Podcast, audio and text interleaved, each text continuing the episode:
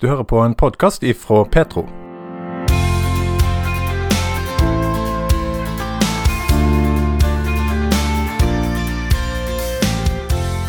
Vi blir påvirka av de vi har rundt oss, og måten vi blir speila av andre, gjør noe med oss. I denne serien på åtte program så skal vi se nærmere på tema som sorg, samlivsbrudd, når eh, barna har eh, forlatt eh, trua de vokser opp med, og det å være sårbar. I dag så skal det handle om sorg ved sykdom og død. For sorg er blitt mer privat. Det er blitt vanskeligere å nærme oss den.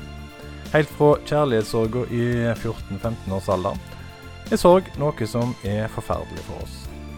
Seinere så kommer sykdom og død. Men sorg er en del av livet. Det er helt naturlig for oss mennesker å møte sorga.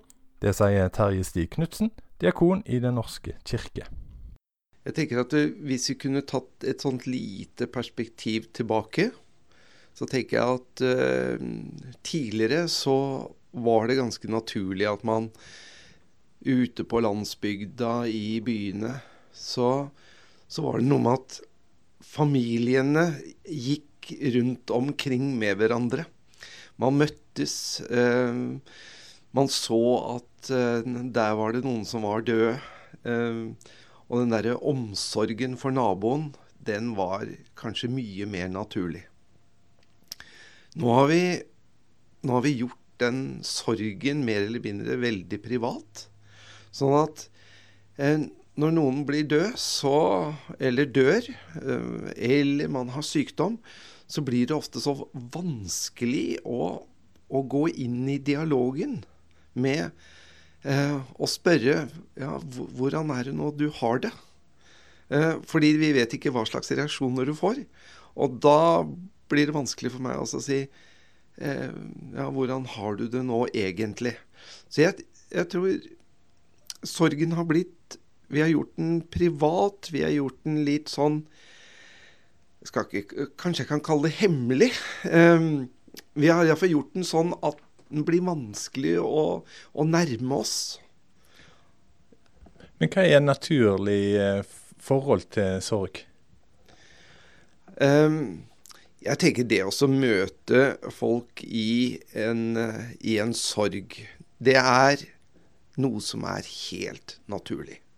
Altså alle sammen fra vi var 14-15 år og vi, vi fikk kjærlighetssorg så, så, var det helt forferdelig. Vi tenkte hvordan skal jeg i himmelens navn komme gjennom dette? Og så kommer død, så kommer sykdom. Eh, og dette er jo Dette er en del av livet. Det at vi eh, møter, møter disse utfordringene. Og jeg tenker vi, vi skal ikke sykeliggjøre denne sorgen. Den er den er en del av det å leve. Uh, og vi kommer til å møte den helt fra vi er Vi blir ikke tatt ut på fotballaget når vi er 16 år. er det verste som kunne ha skjedd.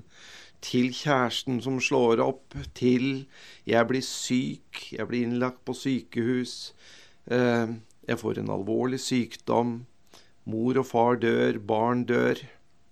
Det, dette er en del av livet. Uh, og jeg skal ikke si at det ikke er vanskelig å møte det, men, men la, la, oss ikke, la, oss ikke, sykemelde sorgen. Men det kan jo være lett å ikke eh, fortelle andre om det, pga. at en er så redd for hva, hva reaksjonen en vil få? Ja, det tror jeg er helt sant. Uh, og, og, det tror jeg hvis, hvis det blir sånn at hver gang et eller annet slikt skjer, og du ikke blir møtt på det, så er jeg helt overbevist om på sikt så forteller du ikke om det. Fordi du vil ikke bli møtt på den måten. Og du, du må på en måte tørre å sette deg ned sammen med sønn eller datter når det er kjærlighetssorg, og, og, og være der. Sorg med sykdom, da kan en jo ofte få litt tid til å bearbeide eh, de følelsene en har. Eh, av og til så så skjer det jo brått òg, eh, sånn at de ikke får bearbeide det. Men, men, du har den som er syk, eh, har sin sorg, og så har du alle som står rundt som er glad i vedkommende, som har si sorg. Hvordan kan de greie å snakke i lag, sånn at en har, eh, kan hjelpe hverandre? Det der, der er, er, et veldig viktig spørsmål. det jeg tenker er at det at den ene som er i sorg, møter en som skal prøve å trøste, så tenker jeg at eh, min erfaring er at man ikke alltid trenger å si så veldig mye. Men tørre å være der. Tørre å bli. Tørre å lytte til den andre. Eh, og det, dette er jo noe som jeg møter i det arbeidet som jeg har som diakon ganske ofte. Det er jo Det, det er også rett og slett tørre å være til stede der hvor kanskje både pasient og pårørende Begge to har det ille. Eh, men det å kunne klare liksom å, å veilede folk til å tørre å snakke om det være der. Ehm, også at det ikke er noen rett og gale svar, men rett og slett kunne tørre oss å si at Vet du hva? Nå har jeg det ganske ille. Og det er både for pasient, og det er for pårørende. Men tørre også rett og slett si at nei, vet du hva, dette her er ikke noe greit.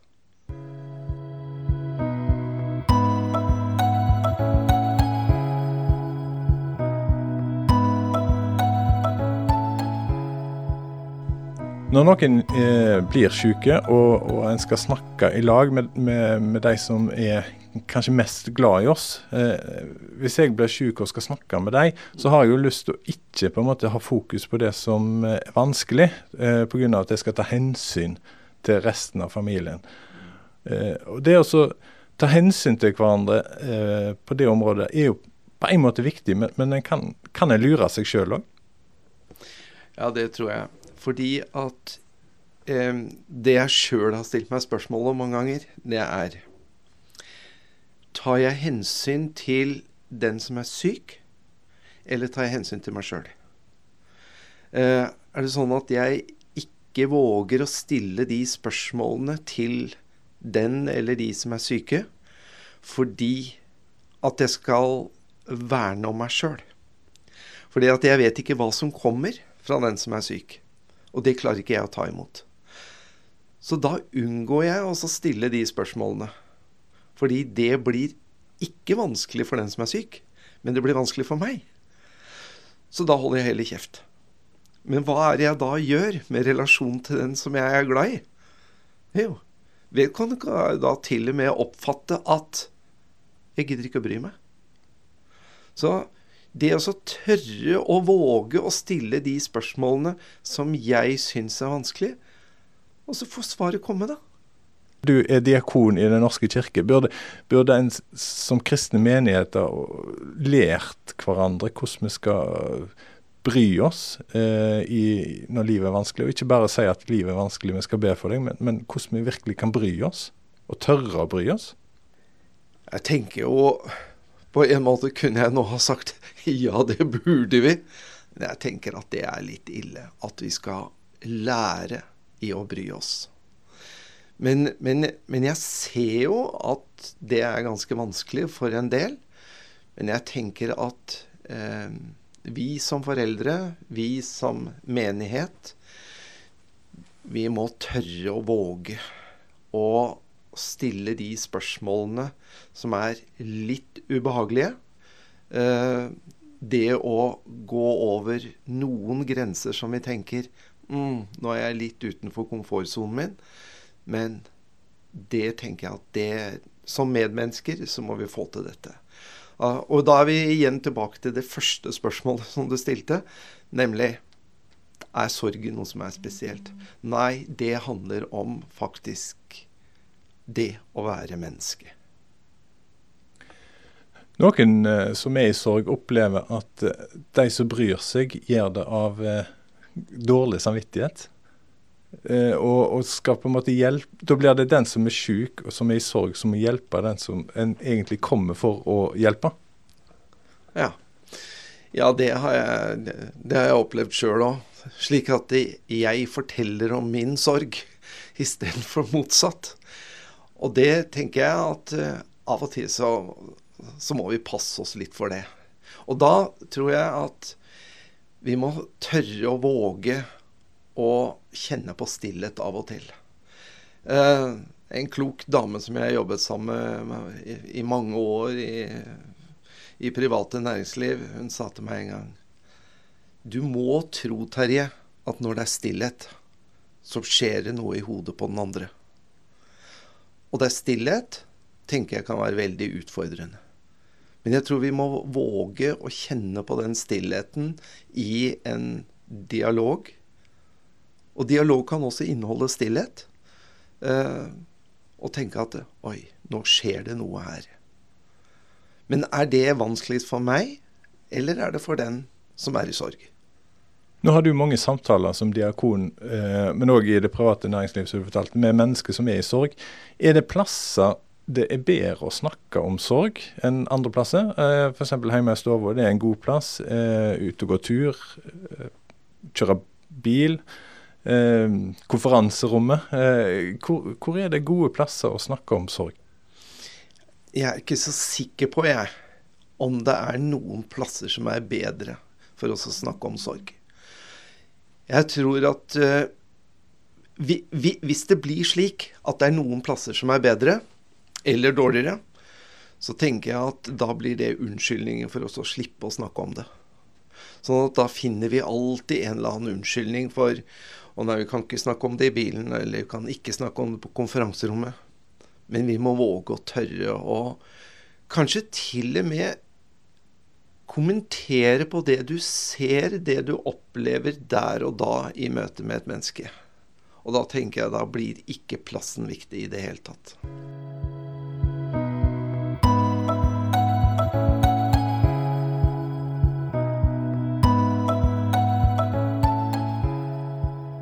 Altså Når vi blir syke, så, så, er jo ofte helbredelse, altså vi ber om å bli helbreda, bli frisk igjen. Det er jo et viktig ting for, eh, for, den som er syk, men det er jo like viktig kanskje for alle andre som står rundt. Eh, for det er jo en ubehagelig situasjon å være når, når eh, noen du er glad i er syk og har det vondt. Så ønsker vi helbredelse, og vi ber til Gud om, om helbredelse.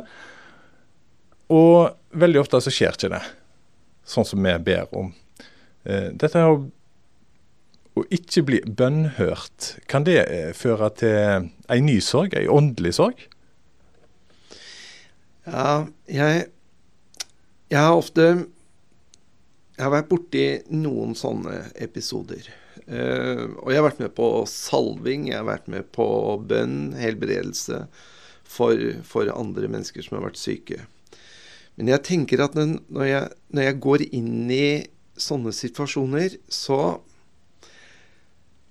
så ønsker jeg at det skal ikke være noe som jeg pusher på den som er syk, eller familien.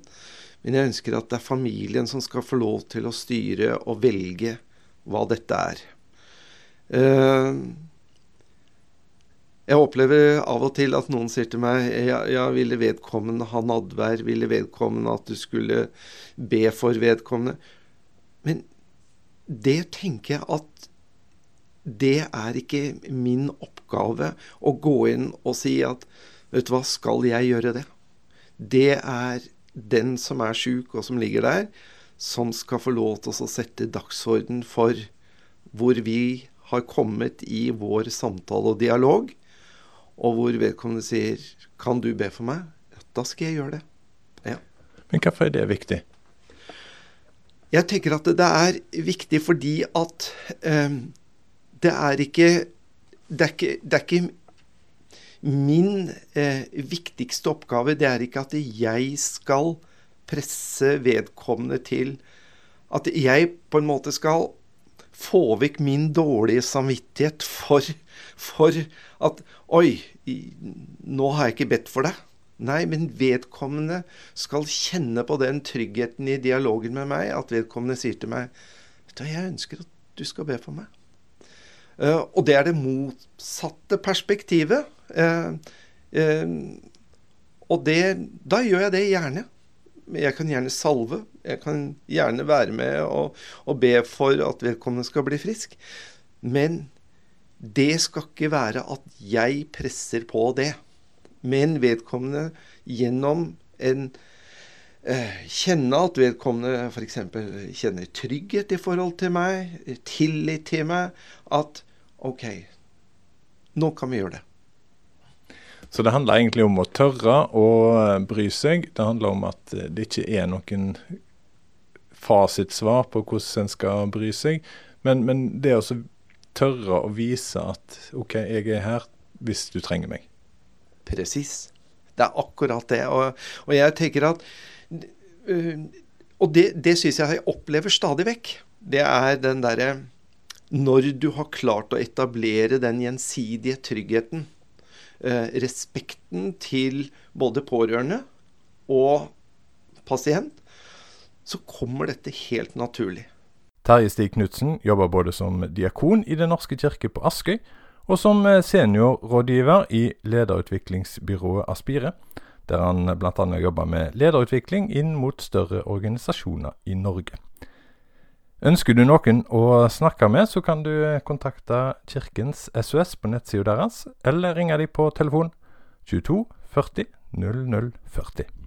Jeg heter Bjørn Stane Haugland, og denne programserien er laga med støtte fra Medietilsynet. Du har hørt en podkast ifra Petro. Flere podkaster finner du på petro.no og i appen Petro.